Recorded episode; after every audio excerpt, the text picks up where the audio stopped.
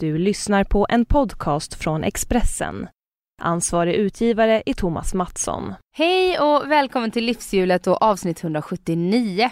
Jag heter Anna Hegerstrand och min gäst den här veckan hon heter Lina Hedlund. I somras, närmare bestämt i avsnitt 161, intervjuade jag hennes stora syster Hanna Hedlund. Och om du vill lyssna på det eller något av mina tidigare avsnitt så gör du det enklast på Acast. Och där hittar du bland annat mina intervjuer med Linas Alcazar-kollegor Andreas Lundstedt och Tess Merkel. Lina träffade jag hemma hos henne och sambon Nassim Al Fakir måndagen den 24 oktober och då var hennes yngsta son lilla Eide bara drygt två veckor gammal. Vi slog oss ner i hennes vardagsrum och pratade medan Eide låg och sov i bärsele på sin mammas mage. Och Lina är inte bara nybliven tvåbarnsmamma utan också högaktuell med Alcazars show Disco Defenders på Hamburger Börs i Stockholm. Det hann inte gå mer än några veckor för Lina efter förlossningen tills att hon stod i tajta glitterfodral och stilettklackar på scen igen. Som hon själv uttrycker det, the show must go on. Varsågod Lina Hedlunds livshjul.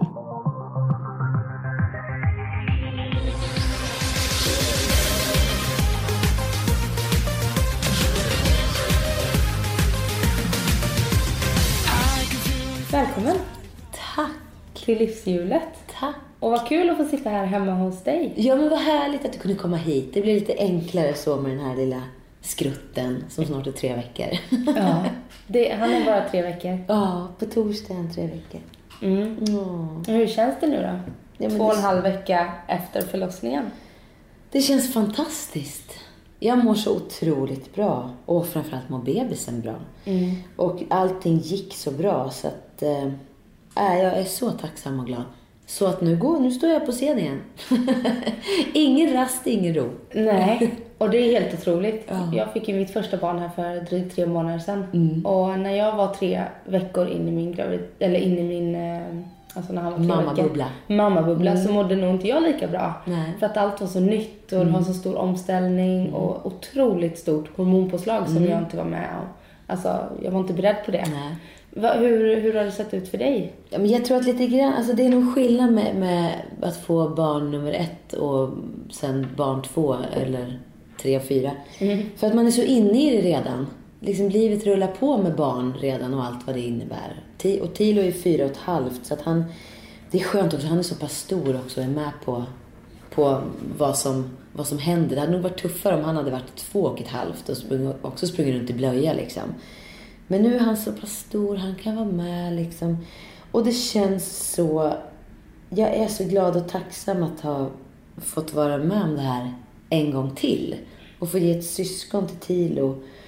Så att, ehm, och jag tycker kroppen har liksom återhämtat sig enormt bra. Och kanske ännu bättre än efter första. Nu mådde jag jättebra efter Tilo också, men då hade vi en paus med Alcazar. Så att det var inte så att jag hade en, en krogshow att, att gå till liksom efter. Och jag har inte känt någon stress eller någonting utan bara lyssnat på kroppen och jag mår så bra så att jag, jag hoppar på diskotåget igen och det känns så roligt. Jag menar, det är också en bebis. Alcazar är också min bebis. Som också måste ha sitt och som Ja. jag vill ge kärlek till. Så, och så är vi i Stockholm. Det är skönt. Så lillebror här, han följer ju med mig ner och är med mig hela tiden på börsen. Ehm, så att det känns liksom hur cool som helst. Har du haft någon reservplan för att säga att det skulle bli en jobbig förlossning eh, och ni skulle ha premiär någon vecka Mm. efter? Mm. Eh, Jo men det har vi. Alltså tanken var att vi skulle ha haft premiär 15 september. Egentligen. Men jag var ju beräknad till 28 september. Så att vi sköt då på premiären till 6 oktober. mm. Och sen Eh, han kom... Och sen kom ju han på morgonen den 6 oktober. Lilla premiärlejonet. Ja. Han var så här, nej mamma nu är det premiär, då ska du inte tänka på något annat än på mig. Nej, precis. Och det, med, med, det, var, det var ju helt rätt. Nej men vi har ju haft vår fantastiska körtjej Anna-Lena Björklund har ju gjort ett mastodontjobb och hoppat in och repat in nästan alla nummer. Så att showen har ju kunnat rulla på. För att det är det, man måste ju ha i bakhuvudet att det kanske blir ett kejsarsnitt, det kanske blir jättejobbigt, jag kanske inte alls mår bra, bebisen kanske inte mår bra. Alltså det går ju inte att säga så här, jag är tillbaka det datumet. Eh, vilket har gjort att jag har känt noll stress och hela liksom eh, produktionen har varit, det har inte varit någon stress utan vi har liksom haft en, en heltäckande plan från början. Och därför känns det ju extra roligt nu när allting gick så bra. Det är ju så här, apu vad skönt. Ja. För jag vill ju, Nu kör vi på plan A. nu kör vi på plan A. Så jag missade ju två, två helger. Och sen Fick, så... fick eh, gästerna då tillbaka en tredjedel av priset då? Nej, det fick de inte. Sen var väl säkert producenterna beredda på att det kan komma kanske klagomål. Men det, alltså, det har inte varit några sådana reaktioner alls vad jag förstår. Och jag menar, hej, det är liksom ett litet liv som har kommit. Det är ganska, tror jag, så här, Förlåtande. förlåtande. Verkligen. Jag tror folk, för att Andreas och Tessan har ju, har ju nämnt, sagt det från scenen då. Liksom, att, ja, men att jag är, är och föder barn helt enkelt. Och då blir ju snarare folk så här, åh vad kul. Ja. Liksom grattis till henne. Så att det, det, ja. Och, så det känns, det har bara känts väldigt skönt och cool att det har kunnat rulla på. Men nu är jag superhungrig och, och som sagt, lillebror här har ju varit med nu. Nu när vi spelar in det här så har han varit med en helg nere på börsen. Och han har ju hört showen så mycket i min mage. Så han sover ju så gott va, under hela showen. Det är liksom... Det är vaggvisor för Ja, honom. det är total vaggvisa för honom. Det är bra. Han får verkligen disco och glitter med modersmjölken så att säga. Mm. Ja, verkligen. Och hur, eh, hur känns det då att eh, dra på dig alla Alcazar-outfits? För jag har ju sett er show Ja. när ni var ute på turné Ja. i Jönköping såg jag. Och Ja. det är ju inte de största kläderna ni Nej, dansar runt Nej, det är små, små saker. Ja. jo, men det är det. Men det som är grejen är att jag... Nu var jag gravid under turnén där, ända Ja. fram till april. Så att vi fick ju göra lite justeringar Så du kan ha de kläderna Så jag kan ha de kläderna. Ja, men det är det som är perfekt. Ja. Och, och sen så har ju kroppen också, jag vet inte, men det, det ja, jag är ju inte helt tillbaka så sizemässigt, vilket jag inte känner någon stress över överhuvudtaget. Nej, du gör inte det. Nej. Men gud, min kropp har skapat två liv. Det får gärna synas att det har skett. Fast sen så har jag, jag har alltid haft väldigt så här hög ämnesomsättning och jag har ju tränat under hela graviditeten. Jag, peppa peppa, nu har jag fått må väldigt bra. Det är inte alla som får göra det. Jag har gjort det under båda mina graviditeter. Liksom. Inte haft några foglossningar eller ingenting.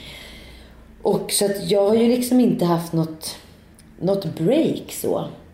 Och så i och med att jag nu efter förlossningen har, ja men att det har gått så pass fort för kroppen att komma tillbaka. Så, så, ja men så, så, kän- så är jag snarare så här ganska imponerad av den själv, att den, att den mår så bra. Har du någon tränare eller någon som hjälper dig? För jag vet ju efter en förlossning så ska man vara försiktig med vissa Mm. eh, rörelser och man ska inte jobba i ytterlägen och sådär. Nej, och ni, ni har ju verkligen full fart i Ja. Nästan två timmar. Ja. Ehm, Jo men det har vi. Det är ju, det är ju verkligen fullt ös. Men det är ju, det är ju, det är ju flås liksom. Och det är dans och sång. Det är ju inte så att vi liksom går ner i spagat eller split eller sådana grejer. Alltså det är ganska... På så sätt är det ju ganska, inom citationstecken, enkel dans på ett sätt liksom. Och sen så, han, är, han kommer ju vara tre veckor då när jag kliver på och gör fullt ut. Och jag har ju, jag har ju liksom liksom känt efter och känt på och kört på lite grann liksom och repat och allting känns väldigt, väldigt bra. Sen är det ju klart att jag lyssnar på kroppen. Skulle kroppen visa eller känna eller liksom säga till på något vis att nu är det något som inte är hundra, ja men då får man ju lyssna på det och, och ta det då liksom. Men jag tror, alltså jag, jag var ju så pass vältränad innan och det tror jag verkligen har hjälpt och hjälper mig liksom. Och att jag har en ganska bra ja, muskulatur på, på kroppen eller vad man ska säga. Och eh, ja, det, det känns så, så bra. Det är det enda man kan göra tror jag, lyssna på sin egen kropp. Sen tränar jag inte med någon PT, men jag vet ju vilka... Nu har jag ju tränat så mycket och i stort sett hela mitt liv liksom, så att jag har ganska bra koll, tror jag. Och jag tror just som sagt igen att lyssna på kroppen. Det är som under graviditeten när jag har tränat. Det är inte så att jag har tränat för att bygga mer muskler eller bli starkare eller eh, träna tyngre utan tvärtom bibehålla liksom och att Inte gå sönder. Ja, att inte gå sönder och att och att liksom eh, jag tror att, alltså, så är det ju såklart, att återhämtningen blir ju en annan och, och jag som också är van att träna så mycket, för mig finns det liksom inte att inte träna så länge jag mår bra. Nej. Och kroppen är med på det liksom. Så, eh, och jag har inte känt mig begränsad av magen heller dansmässigt. Nu är säkert många som kommer att hata mig när de hör att jag har mått så himla bra. Och det får de väl göra. Men jag hoppas att jag kan inspirera istället för att provocera. För det är Ja. nog ganska provocerande Det är det. att höra någon som har mått så pass bra. För att jag vet ju att det inte är så för alla. Nej. Och, ehm, och nu är det också tur då för mig att jag har mått så bra eftersom jag också har det jobbet jag har. För jag skulle ju må skitdåligt om jag inte kunde få gå tillbaka till jobbet nu under den här hösten. Liksom. Jag menar, det är ju min passion och mitt driv och också som sagt var Alcazar är liksom också min bebis.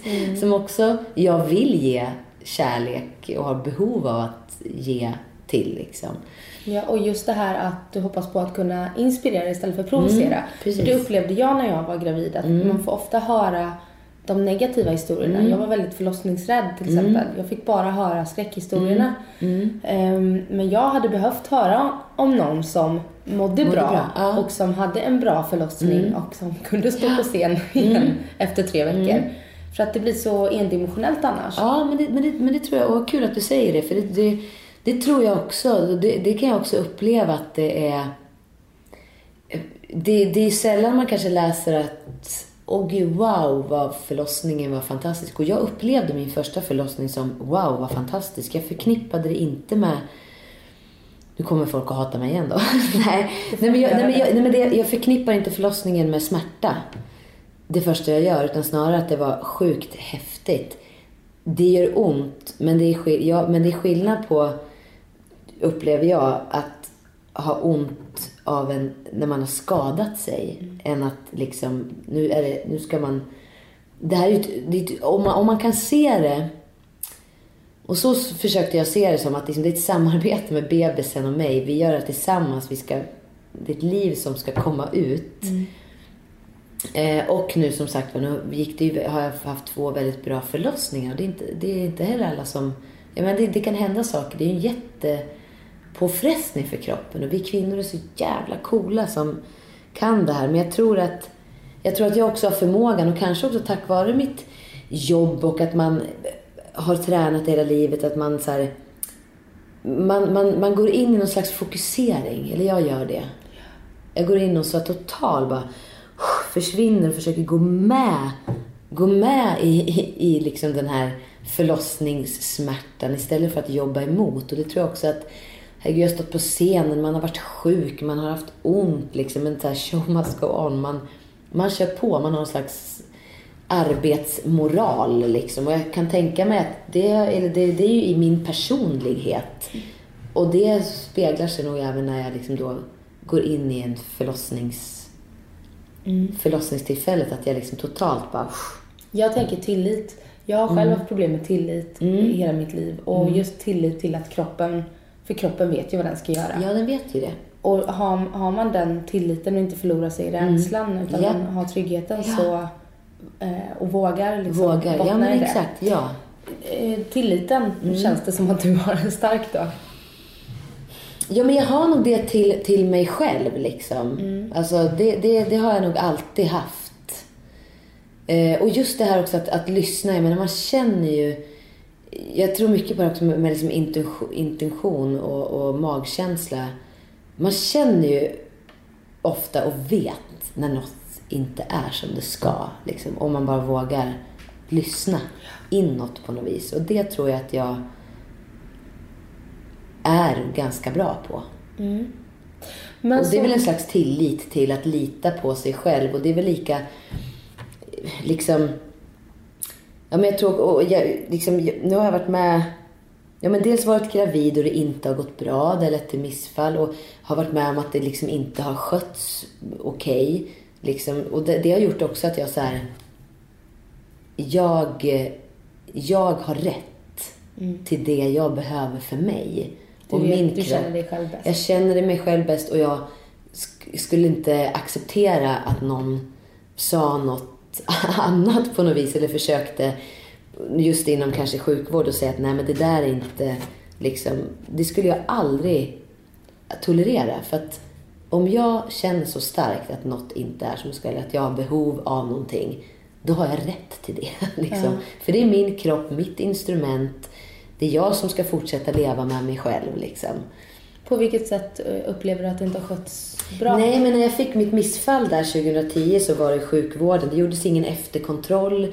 Och det visade sig att det hade gjorts en, en, en jävla miss helt enkelt. För att jag hade graviditetsrester kvar liksom. Som ju slutade med att jag höll på att stryka med liksom. Ehm, och, och, det, och där är man ju jävligt utsatt. För att har man inte varit gravid så vet man inte vilka konsekvenser det kan bli. Jag hade ingen aning om att, att en graviditet kunde ta död på mig. Nej. Jag hade ingen aning om det liksom. Eh, och nu är det ju väldigt ovanligt. Liksom. Det är ju, och det jag var med om då är ju något ovanligt. Men ändå det här att jag, jag har varit helt liksom släppt. Det var ingen som sa till mig att jag skulle gå på någon efterkontroll eller någonting liksom. Väldigt sådär otroligt. Nu, där kan jag verkligen rikta väldigt mycket kritik till de som, de som hade mig eh, där då. Och, och, men, det, och det, gjorde- men det gjorde att jag sen liksom inför mina de här två förlossningarna så, så, så eh, ja men jag är väldigt sådär och säger det till mina vänner också att fan om du känner minsta oro eller någonting, ta tag i det liksom. För du har rätt till det. Det har man helt och fullt.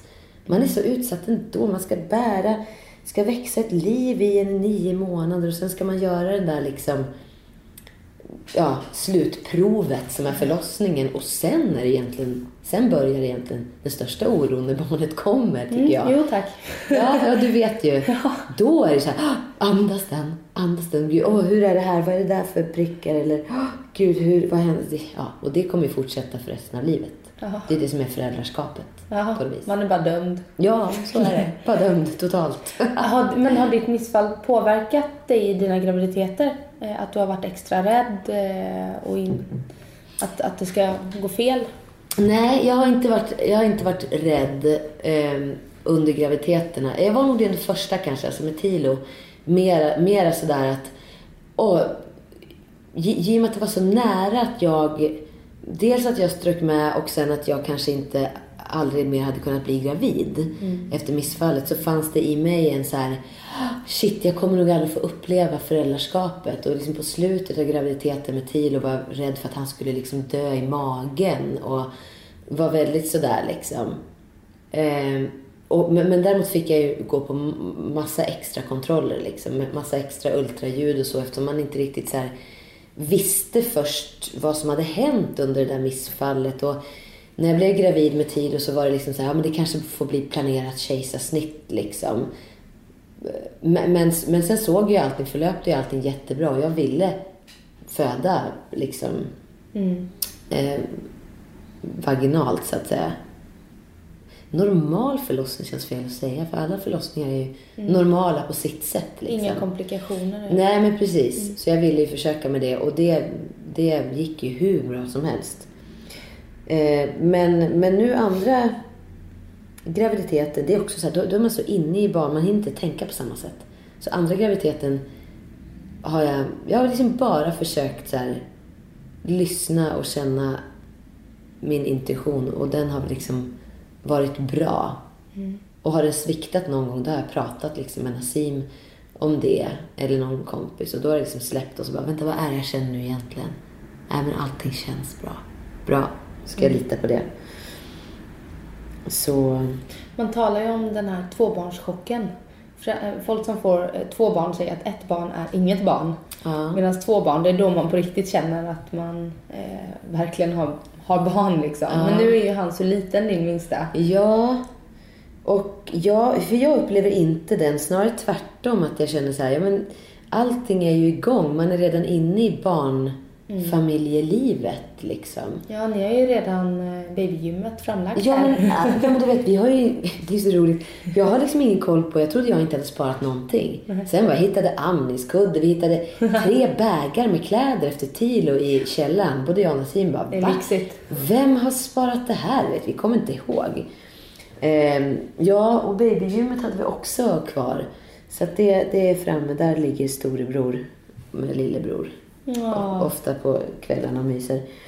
Nej, men så att jag upplever inte alls tvåbarnschocken. Snarare tvåbarnskärleken. Alltså att se Tilo och hur han är med lillebror och liksom att titta på dem och bara shit. Vi har två och de kommer nu ha varandra hela livet. Och det känns så jädra rikt, livet. Och Ja, och, och jag känner också tror jag att med, med, med första barnet tyckte jag det för att det, både kärleken och liksom hela vardagen växte på en. Nu med tvåan så bara, alltså jag känner mig så kär i, i, i den här lilla ungen va. Trots att han har varit vaken nu hela natten. Så bara, det är tur att du är så söt unge. Det är också genomtänkt. De måste vara så gulliga så att, man, så att det blir förlåtande när de är vakna hela natten. Det är därför de har så extra stora ögon. Mm, exakt, exakt. Mm. Ja, Mm. gullungar. Men, men ändå så eh, rullar det på med vad, ja men livet Mm. rullar ju på fastän det har kommit in en till liten Mm. familjemedlem. Och, och Alcazar gör sin fjärde säsong Ja. av Disco Defenders. Ja, varav den andra på Hamburger Börs i Stockholm. Precis. Vad är det som gör att ni får fortsätta? Jag frågade Tess samma sak när hon var med i ja. Ja, men du har ju sett showen. Varför, varför vill du se den? Ehm, jag, nej, precis som Tess sa och jag höll med så är det, man får ju fly vardagen en stund. Mm. Eh, plus att det är otroligt proffsigt och eh, ni har ju massa hits. Ja. Man vill ju festa, eller vad man säger, till, Mm. Det går inte att till värja sig musik. riktigt. Nej, till musik som man känner Ja. igen. Ja, men jag tror, det, det är liksom, det vi sysslar med är ju underhållning och vi älskar ju att underhålla och liksom göra våran, våran grej och våran show liksom. Och eh, det, det, det, det folk säger är ju att åh, man blir så glad av er och det är så mycket energi och man rycks med, det går inte att stå still. Och vi är ju ensamma i Sverige om att göra den här grejen. Det finns ingen som gör disco på det sättet. Och diskon, diskon står ju på något sätt för, för, för så mycket. Alla kan liksom ha en relation till disco på ett eller annat sätt. För det återkom, har hela tiden återkommit i musiken. Och, och vi pratar om det i showen. Liksom, vi har ju ett varsitt musikminne kan man säga. Liksom, Ja, där vi säger vad discon var för oss. Och jag, för mig är ju diskon mer liksom 80-talet och liksom det här ungdomsdiskot. Där det var så här, gud man har ju liksom skrattat och gråtit så mycket på de här diskorna och varit så himla kär. Och varit så himla förkrossande kär liksom när man har blivit, när någon har gjort slut. Och det är det också med de här gamla discohitsen liksom som First I was afraid, I was petrified. Det är så, det är så mycket drama. Och så är det här I feel love, I feel love, I feel love. Det är liksom de här höga berg och djupa dalar. Ja, ja visst. Liksom. Väldigt Eh, dramatiskt. väldigt dramatiskt och väldigt euforiskt liksom. Och jag tror att det, det har vi ju alla liksom behov av att få leva ut. Och därför tror jag också att diskon gör att man kan få leva ut där man befinner sig liksom på något sätt. I den känslosfären man, man är. Och så tror jag just det där att folk behöver, jag tror det blir lite av en ventil. Man behöver inte liksom gå runt och ha ett miserabelt liv så. Men, men det blir en slags ventil ändå att bara få liksom, ja men få lämna sina problem utanför liksom. Walk in, dance out. Det är ju bara att titta ut nu. Det är grått ute, Mm. det regnar. Ja. Eh, visst, det är lite, lite färg på löven fortfarande Ja. innan de hinner bli bruna de också. Precis, ja. Och sen kommer man in då på börsen och då så är det bara glitter, Ja. så här, eh, stora peruker. Ja, Eh, många peruker. många peruker och, och Och värsta jävla bandet. Alltså vi har ju Ja. band. Vi har ju ett niomannaband som svänger utan dess like. Liksom, Det är ju några av Sveriges bästa musiker. Vi har några av Sveriges bästa dansare, fyra dansare, våra Alka Troopers. Och så är det vi. Så att vi är ju liksom, vad, blir- vad blir det då? Snabb matematik. Vad är vi? 15-16 pers på scenen. Det är ju en sån smäll, discosmäll liksom. Och jag som också nu under graviditeten när vi har repat har ju jag fått möjligheten och lyckan att sitta ute och titta på hela showen. Och det har ju varit så himla roligt. Och jag blir själv så här, alltså jag blir så stolt över alla på scenen och att känna så här, wow, får jag vara en del av det här? Det är så magiskt. Och jag förstår också, för ofta är den första frågan vi får är ju så här, hur orkar ni? Och det faktiskt tänkte jag själv, hur fan orkar vi? Fast det är för att vi har också så himla, himla kul. Vi får enormt mycket energi från publiken vi också. Det är ju ett samspel. Så, så det, det är ju, det är ett givande och tagande. Ja. Eh, och, och som sagt, det är också så att vi har... Vi går in på vårt tionde år nu. Tess, Andreas och jag som Alcazar. Och det här är ju någonstans här att vi... Det här, det här känns ju lite grann som att så här, få skörda frukten av det vi har byggt. Att få göra vår krogshow, ha liksom två starka produktionsbolag i ryggen, få liksom den budgeten till liksom all kostym, eh, allt hår. Ja. Ja, men och alla, liksom alla bakom scenen, runt om på ljud, ljus, kostym, smink. Alla som hjälper oss. Det är sånt jävla teamwork. Och det är så fantastiskt. För det gör också att då kan Tess, Andreas och jag bli bättre på det vi gör och fokusera mera på det. Så att det, vi är en sån liksom Alka family, som vi säger. Och det är verkligen så. Och det är så, alla är så fantastiska liksom eh, på sitt jobb men även eh, grymma människor. Liksom. Och vi har så kul och det är roligare än någonsin. Och man blir äldre, man tar liksom ingenting för givet. Det är ju att vi får komma tillbaka till börsen en andra gång. Att det är en fjärde säsong. Det är ju bara så här, wow, tack. Det är helt fantastiskt. Oroar ni er för att det är eh, yngre eh, människor som, som ska komma och försöka ta er plats? Nej, absolut inte. Kolla bara på Lill-Babs. Hon? Snart 80. Hon jobbar mer än någonsin. Nej, men där tror jag att det är liksom en helt annan publik. Vår publik ligger ju någonstans i vår egen målgrupp och kanske 10 år yngre och 10-20 år äldre. Ehm, vilket är fantastiskt och jag tror, att det, jag tror att det är någonstans... Jag tror att också det är det som är ganska befriande. Liksom. Vi, är, vi är medelålders, vi har levt, vi har barn. Vi, är, vi, vi kan ändå stå på bordet i våra diskostassar och dansa och sjunga. Liksom. Eh, och det tror jag är ganska så skönt för det gör också... Det finns, det finns liksom ingen åldersgräns i disco. Det, det, och det ska vara så. Diskon är för, för alla. Stora och små och allt däremellan. Och lite grann det här vi också har pratat om ganska så mycket. Men vilket jag tycker är någonting fint i att så här, att själva diskon också, när det kom, när Studio 54 kom i New York på 70-talet så var ju det den där platsen för människor som kanske inte fick lov att vara de de är, inte fick lov att älska den de ville. Eh, hade annan färg på huden, annat ursprung. Eh, men där på Studio 54 var alla välkomna. Oavsett vad du hade för färg på huden och vart du kom ifrån och vilken sexuell läggning du hade. Och det är också något som idag är mer aktuellt än någonsin. Och det, den liksom djupare andemeningen är också så fin tycker jag. Och det, så är Alcazar och så är vårat disco och våran värld som vi vill ha. Där är alla välkomna liksom. Oavsett vem du är. Och du ska få vara precis som du är och den du vill vara. Och det tror jag speglar av sig också lite grann utan att liksom skriva det på näsan. Men det, det är liksom hela, hela energin tror jag. Och det du säger att man får liksom komma in där och få det här glittret. Det liksom... Det, det, det appellerar liksom att ta fram de sidorna hos folk tror jag. Att säga, men jag kan också. Ja.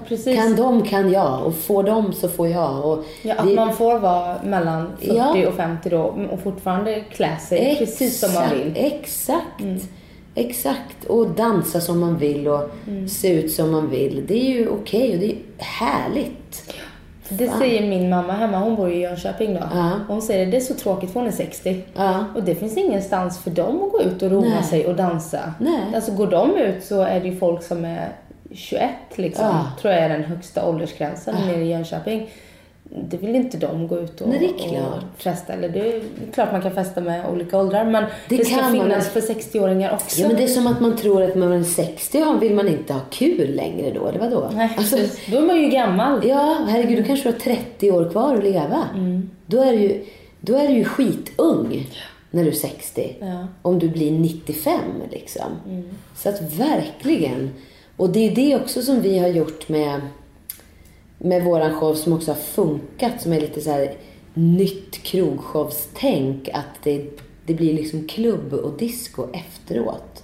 Så kliver ju liksom våra DJ på och då, då är ju tanken på något sätt att när vi har lämnat scenen så ska alla Hela publiken som då också är Alka Stars, då får de inta dansgolvet och ta över. Ni är lite förband åt publiken Ja, exakt, exakt. Så kan man säga. De är huvudshowen. Ja, Ja, men lite så. Och vi får värma upp.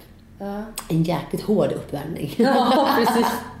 Och du sa det, du pratade om den här Alcazar-familjen som Ja. du kom in i för tio år sedan. Ja, Då hade precis. Mm. Tess och Andreas kört ett tag i olika konstellationer.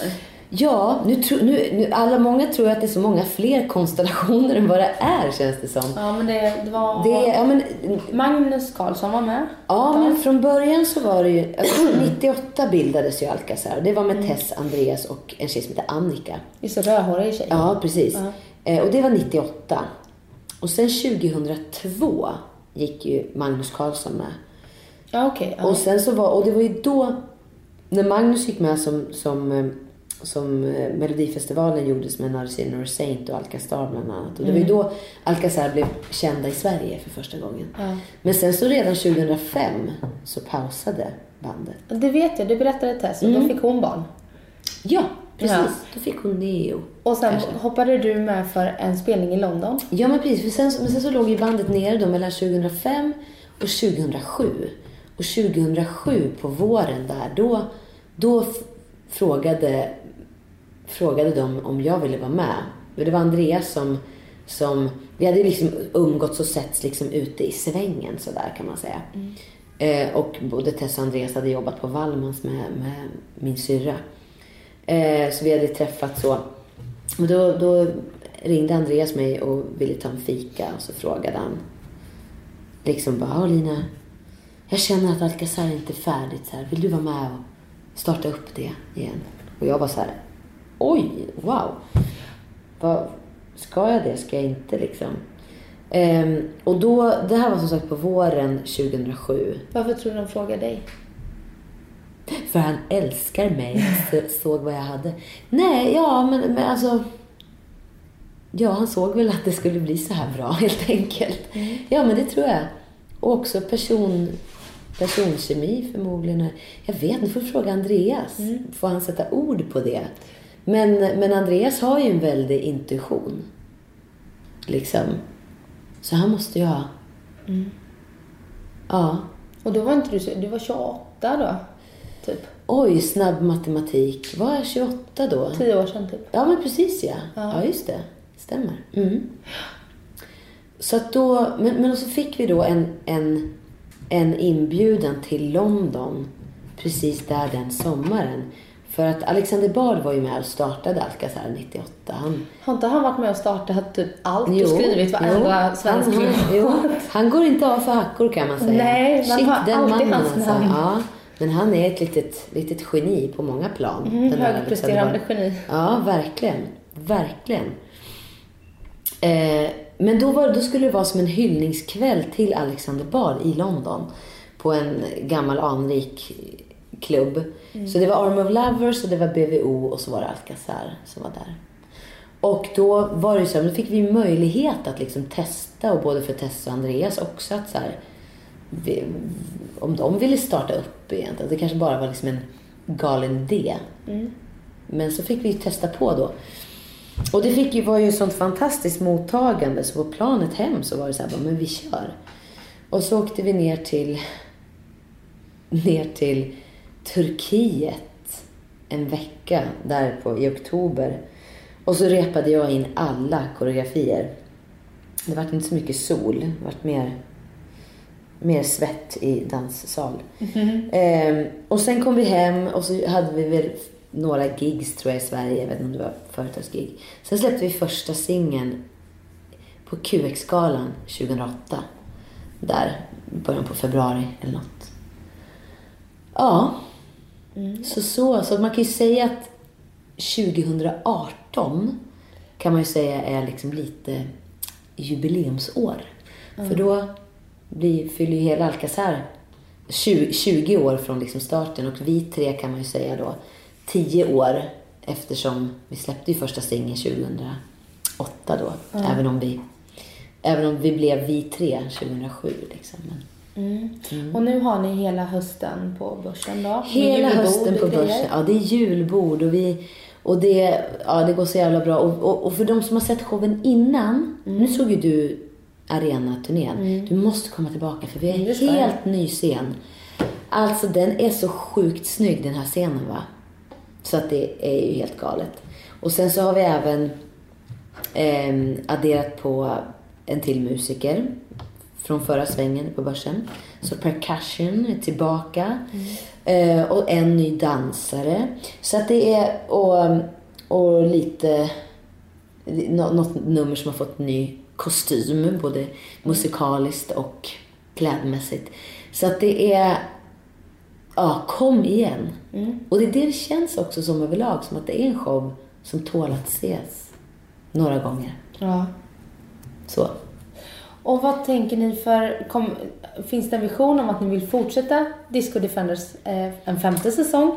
Eller känns det som att nu har vi mjölkat ur det vi kan och nu har vi nya planer? Ja, jo men nu, nu tror jag den, den får liksom tacka för sig. 17 december så kör vi sista föreställningen på börsen och då är det verkligen, sen knyter vi ihop den, den guldpåsen och lägger i vårat, vårat museum. så, men, men sen så håller ju, sen så är ju, ja, vi har ju massa planer och idéer och tankar för framtiden så att Ja, ni är redan i där och gång. tänker. Ja, vi är redan, redan eh, framåt i tankarna. Så att, mm, Men fortfarande hemligt? ja. Ja. Men du, eh, du sa det innan att det kanske blir lite lugnare 2017 än vad det varit 2016. För då har ni varit ute på turné och du har fått barn. Och, Ja, men och precis. så en höst till. Ja, men nu som sagt, nu har vi ändå liksom, just att nu har vi ju jobbat som sagt, det är två år vi har spelat den här nu då vi är klar. Ehm, så att 2017 blir ju mer, alltså det kommer ju förhoppningsvis inte att bli ett lugnt år, men, men det, Men vi älskar ju att lugnare. Nej men lugnare på det sättet att vi inte, vi kommer inte göra krogshowen liksom onsdag, torsdag, fredag, lördag Nej. varje vecka. Utan det blir mer företagsjobb och, och mycket som sagt, det blir nog mycket liksom möten och planering och eh, att jobba, jobba inför framtiden så. Och sen ligger det ju andra grejer liksom som inte heller riktigt jag kan säga just nu för att man vet inte hundra. Så. Men så att det känns bara jätte, jätte kul. Ja. Och så eh, förutom att ni har fått en liten till kille i familjen så eh, berättade du att ni ska flytta. Ja. Och jag kan ju berätta då för, för er som lyssnar så sitter vi i vardagsrummet i eh, er jättefina lägenhet i Vasastan. Ja men tack Och den är helt fantastisk. Ja, och du berättade att ni har gjort, gjort väldigt mycket själva. Ja. Och nu är det klart och då är det dags för nästa projekt. Ja, ingen rast, ingen ro. Nej men vi älskar det. Jag, Ja. åh, nu kliar det liksom i fingrarna på att sätta tänderna i ett nytt boende. Men vi ska ju inte långt. Vi håller oss ju här i, i samma område så att säga. Ja. Men, men, men lite större så. Vi, vi har ju växt och eh, ja, det går ju snabbt att man växer ur när man från, från ett barn till två barn. kommer du märka, Anna, Ja. får till. Om du vill ha till. Om du kan få till. Ja, Nej, men så att vi, vi flyttar. Men, det, men det, det är någonting som vi båda har gemensamt, jag och Nassim. Alltså, vi älskar ju äh, att hålla på och, och fixa och dona och, och renovera och tänka så. Och Nassim är ju sjukt duktig på, och, alltså han är sån konstnär, min sambo. Så han bygger ju liksom, och han är, vår kökslampa kanske du inte har sett? Och gamla Nej, får instrument. jag gå och kika på Ja, kolla på den. Skitsnygg. Och, och nu har vi bytt bord faktiskt, men han har bytt bord. Det där bordet han byggt. Och, ja, men han bygger och fixar och vi tänker tillsammans. Och, men det, det är lite något som vi... Ja, sen är ju vi rastlösa. Det har väl med det också att göra. Mm. Jag har inte bott på samma ställe mer än tre, fyra år. Är det så? Ja, sen så har jag rört på mig. Så det är liksom, det är också roligt. Det blir en, ja, men hela tiden det här att liksom få ut, utvecklas också och gå vidare och skapa nytt och ja, det, ja. Jag skulle på riktigt vilja jobba som att gå in i lägenheter och så tänka bara så här, okej hur skulle man kunna maximera varenda centimeter här genom att bygga om och bygga till och ändra och dona planlösningar och åh, tycker det är så roligt. Om jag flyttar så lovar Ja. jag att du ska få göra det i min lägenhet. Perfekt, För det jag där kommer är med det en gång. värsta jag vet. Ja, men jag kommer har, med en gång. Jag har inget... eh, jag, jag kan inte tänka abstrakt Nej. utanför boxen utan är så här, ha så här ser det ut. Ja. Nej, det här går ju inte att jobba med. Jag har inte alls den Nej. kreativa ådran. Jag kommer direkt, Ja. jag älskar det. Men jag upplever när jag fick barn i somras nu och det var så fint väder så började jag Hemnet knarka efter villor. Ja. eh, Och flytta utanför stan. Mm. Eh, och det pratade vi lite om innan här. Ja. Men, men ni har valt att eh, hålla er kvar i stan. Ja, jag har ju så här, jag får ju lite så här, alltid när våren kommer får jag också lite så här stadspanik och bara "Åh, nej, för jag är uppväxt på landet liksom i, i villa uppe i Kilafors, eh, Hälsingland. Så att jag får alltid den och lite så här, ah, känner mig så här stängd och bara nej, jag måste ju kunna öppna och gå ut. Eh, men sen har ju vi som sagt var då Hälsingland. Vi har ett litet, ett litet torp där uppe på mammas tomt. Eh, och nu så, i somras så utgick vi därifrån hela sommaren i fem sex veckor, vilket var magiskt. Och det, det är ju bara 25 mil från Stockholm, så att det är så här...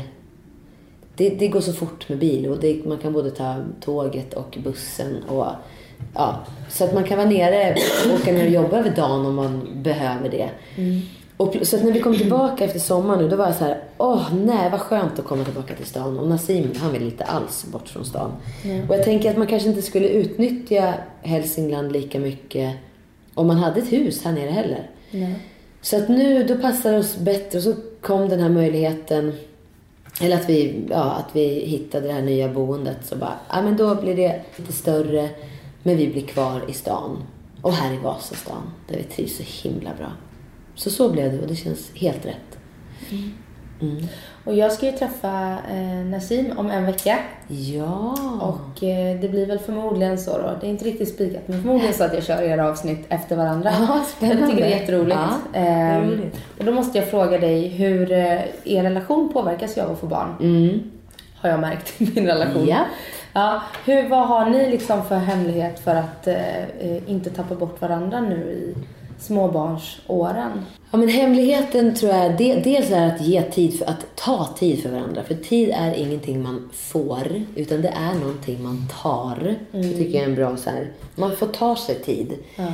Men sen måste man också vara snäll mot varandra och så här bara, för vi, den här den här hösten har vi verkligen sagt det. Vi, vi, vi är ett sånt team och jag kan säga att vi har jobbat för det. Vi har både gått i parterapi och terapi var och en för sig och jobbat. Och så teamade som vi är nu, det har vi liksom aldrig varit. Och det är jävligt skönt.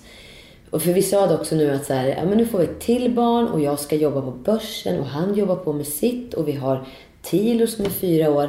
Alltså det gäller att vara snäll mot varandra.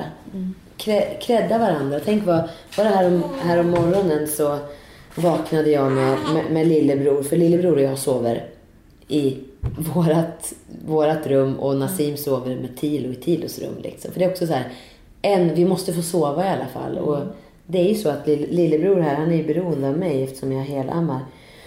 Men bara här om morgonen då när jag vaknade hade Nassim och Tilo gått iväg till jobb och dagis och då bara ligger en lapp på skötbordet så här, älskar dig. Man bara, ah, vad skönt. Och då köpte jag en bukett rosor och bara, ja men bra jobbat idag för han var iväg och gjorde någon föreläsning. Alltså bara de där sakerna är så här, åh, man får så mycket energi och man känner att den andra ser det man gör. Det är så jävla viktigt. Credda varandra. Den där extra kramen och bara säga vad bra du är. Du är grym. Vi fixar det här. De där, att stötta, inte liksom så här, "Åh, du har inte gjort det eller du har inte gjort det eller så här, ah, vi hinner ju aldrig ses. Nej, det kommer. För som sagt, nu sa vi också det. Den här hösten blir liksom bebis, börsen, boende. Vi ses i januari och då tar vi igen det. Liksom. Då kan vi börja sova i samma säng igen kanske. Men det är så, så ser livet ut och det är vårt val. Liksom. Sen, man- det är också det, man får ju välja. Man gör sina egna val liksom. Men jag fattar det, för jag var ju stark motståndare till att vi ska absolut inte sova i skilda sovrum. Nej. Bebisen ska ha sin egen säng. Ja. Eh, När jag väl fick barn så var det bara att lägga sig platt. Och så Ja, allt visst. som jag har planerat, det, bara, så här, det gäller Visst. inte längre. Nej. Vi sover i olika sovrum nu. Ja. Och eh, bebisen sover, ja vi, han sover i egen säng nu för han tycker det är rätt skönt. Sen så flyttar vi över honom på morgonen. Men det är så här, sömnen, sömnbrist. Alltså, ja, nej men gud. det- Då alltså, skiter man i om man sover med den andra eller inte bara för att det ska vara så. Ja, verkligen. Och jag menar, man blir en skit om man inte får sova. Så att då blir det inget kul att vara tillsammans ändå. Då kanske man inte blir så kreativ på dagen att man lägger en lapp på skötbordet. Nej, exakt så. Exakt så. Så att det, man, man måste vara snäll mot varandra liksom. Och inte, och det upplever jag nu att vi liksom också, kanske också för att tiden inte finns, men också för att vi har jobbat medvetet på det. Att vi liksom, vi tjafsar inte om små saker alls. Liksom. Och, så här, och det är så skönt. Att Är man- det skillnad från nu från när ni fick ett första barn? Ja, jo men det är det. Men dels var vi på lite andra plan individuellt och tillsammans också. Då var det också kanske liksom den här omställningen. Liksom, och, och, bo- och liksom, i och med att vi också är frilansande liksom. Oj, oj, oj, är det magen? Skruttunge.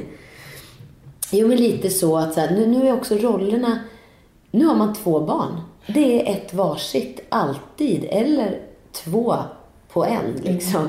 Det finns inget så här... Det, jag tycker våran familj liksom bild och känsla har nästan så jämnats ut av att vi har blivit gått från ett barn till två barn som är på något sätt en, nu är vi en stor familj. Ja. Vilket, jag vet inte, det har... Ja, även om det är så här, visst det är dubbelt på det sättet att, att, att det ju alltid är så att ett barn behöver någon.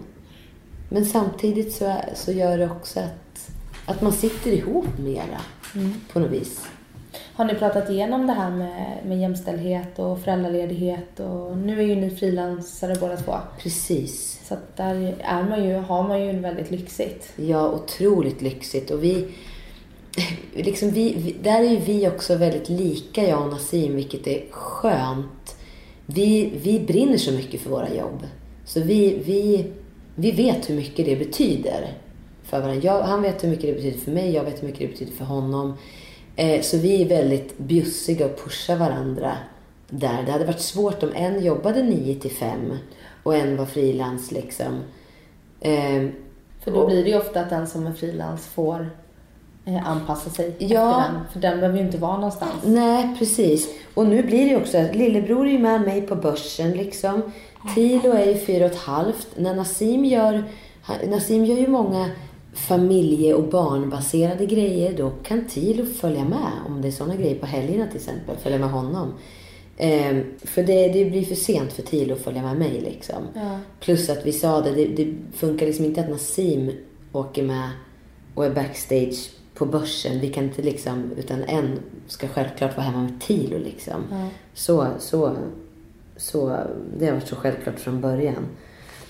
Ehm, nej men så att, så att vi, men det gäller liksom att prata, det gäller att planera. Vi går ju igenom och synkar våra scheman och bara okej, där behöver vi hjälp, där behöver vi hjälp. Och då är det liksom mormor, eller farmor, farfar, vänner, bekanta, liksom syrran, eh, Nasims brorsor. Liksom, det gäller ju att ha ett, ett nätverk. så. Men sen tror jag också att våra in, våran grundinställning är liksom att så här, vi ser inga problem med barn. Och det tror jag också är, alltså just att inställningen, känner man sig, och det, där är man ju också olika lagd.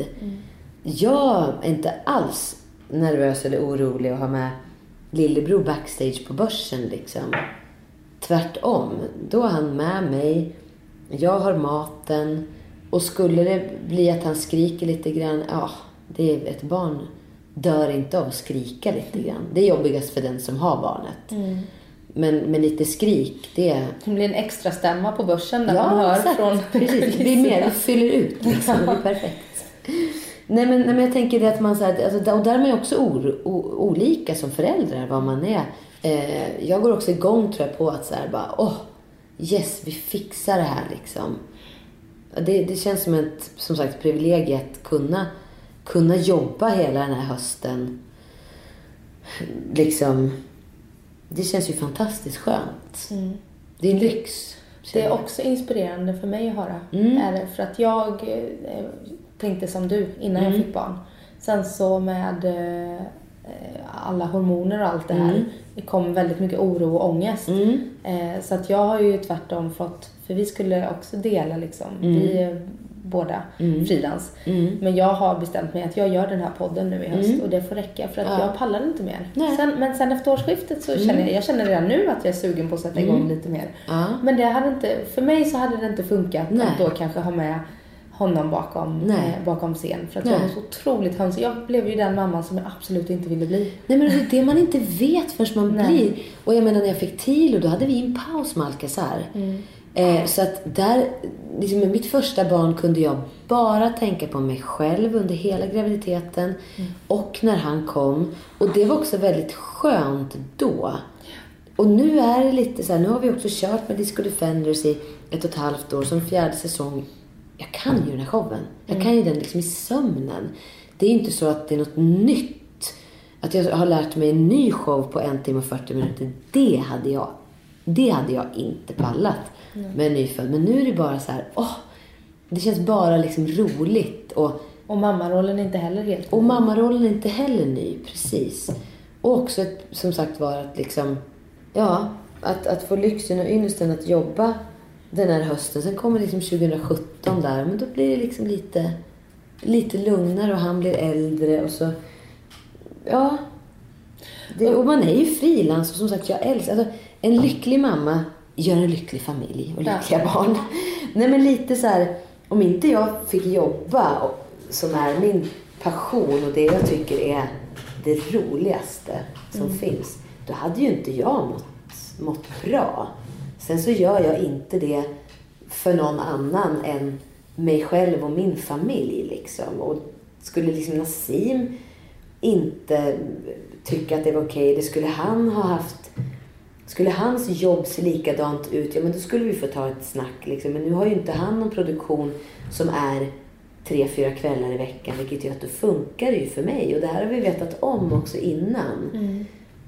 Att liksom så här, men jag vill hoppa på så fort jag kan och känner för det. Och det är liksom hösten. Så att det är så här, vi, vi är totalt team och synk med den. Och det, det är ju A och O. Har ni avslutat er parterapi eller går ni fortfarande Nej. så här och checkar av läget? Eh, nej, vi har inte varit där nu på ett tag faktiskt. Men det tror jag säkert att vi kommer att göra igen. Ehm, och det behöver man inte göra heller bara för att det skulle vara något dåligt liksom. Jag tror att man, alltså jag, där där är jag också så jäkla stolt över oss att vi, att vi gjorde det. Jag är så stolt över oss. Och glad för att eh, jag tror att många par kanske tyvärr skiter i att göra det och då kanske man går isär istället medan man kanske hade kunnat faktiskt klara det med hjälp av terapi liksom. Åh, vad säger du? Är det knorr? Mm, mm, mm, mm, mm, Gullunge. Oj, oj, oj, oj, oj. Han har sovit nästan hela tiden. Sovit och ätit. Sovit och ätit. Och det är så gosigt. Åh, Ja. gosigt. Mm, Ja, vi ska iväg och repa sen också. Ja, det var det. Vad, ska, vad har ni för er? Vi ska spela in Så ska det låta. Imorgon ska vi banda det. Så vi ska in och, in och repa lite idag. Mm. Är, är det alla ni tre då och eh, Ja, en pianist? ja en pianist, ja precis. Så vi, vi, vi repar lite. Mm. Och sen så är det, vad är det för dag? Det är måndag idag. Idag är måndag. Ja, så då, är det, då har ni ingenting, liksom repetitioner på börsen? Nej, precis. Utan nu så ska det låta imorgon, inspelning. Och sen på onsdag repar vi på börsen. Så att repar, repar in mig lite grann. Det är vissa klädbyten jag måste gå igenom just så här. Ja, stagea om vissa nummer. Så på onsdag repar vi och sen på torsdag då går jag in och kör full show. Ja.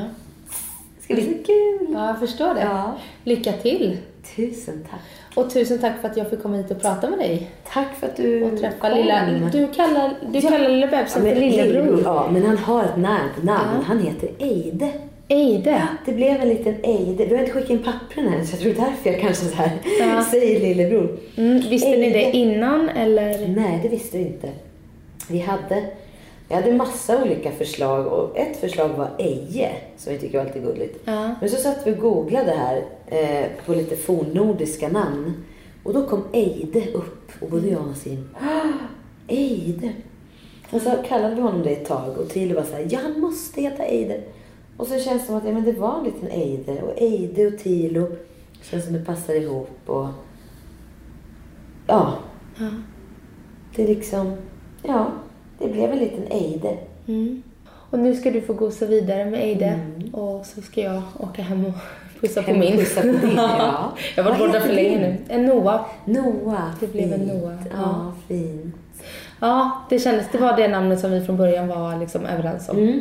Var det. Roligt. Mm, Så det är kul. Det är stort att namnge tycker jag. Ja, det är Man känner sig så här, gud, har jag rätten till att ge Ja, honom eller henne det namnet? Som, och så ska hen vara nöjd för resten av livet. precis. De kan ju byta. De kan ju byta det blir helt åt helvete. Verkligen.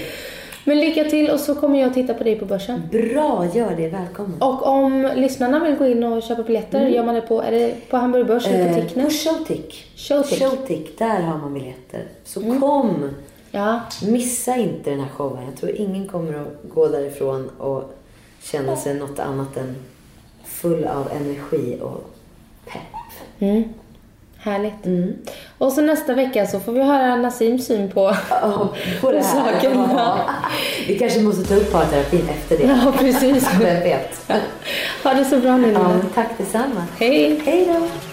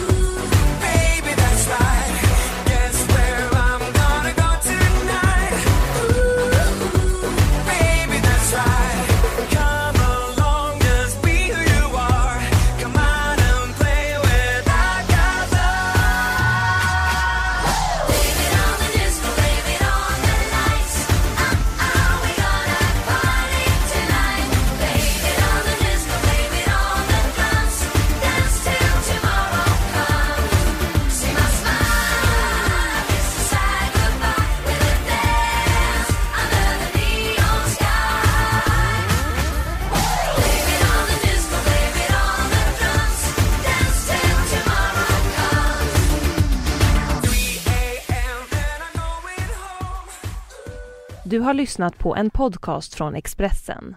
Ansvarig utgivare är Thomas Mattsson. Nu är den stora färgfesten i full gång hos Nordsjö Idé och Design. Du får 30% rabatt på all färg och olja från Nordsjö. Vad du än har på gång där hemma så hjälper vi dig att förverkliga ditt projekt. Välkommen in till din lokala butik.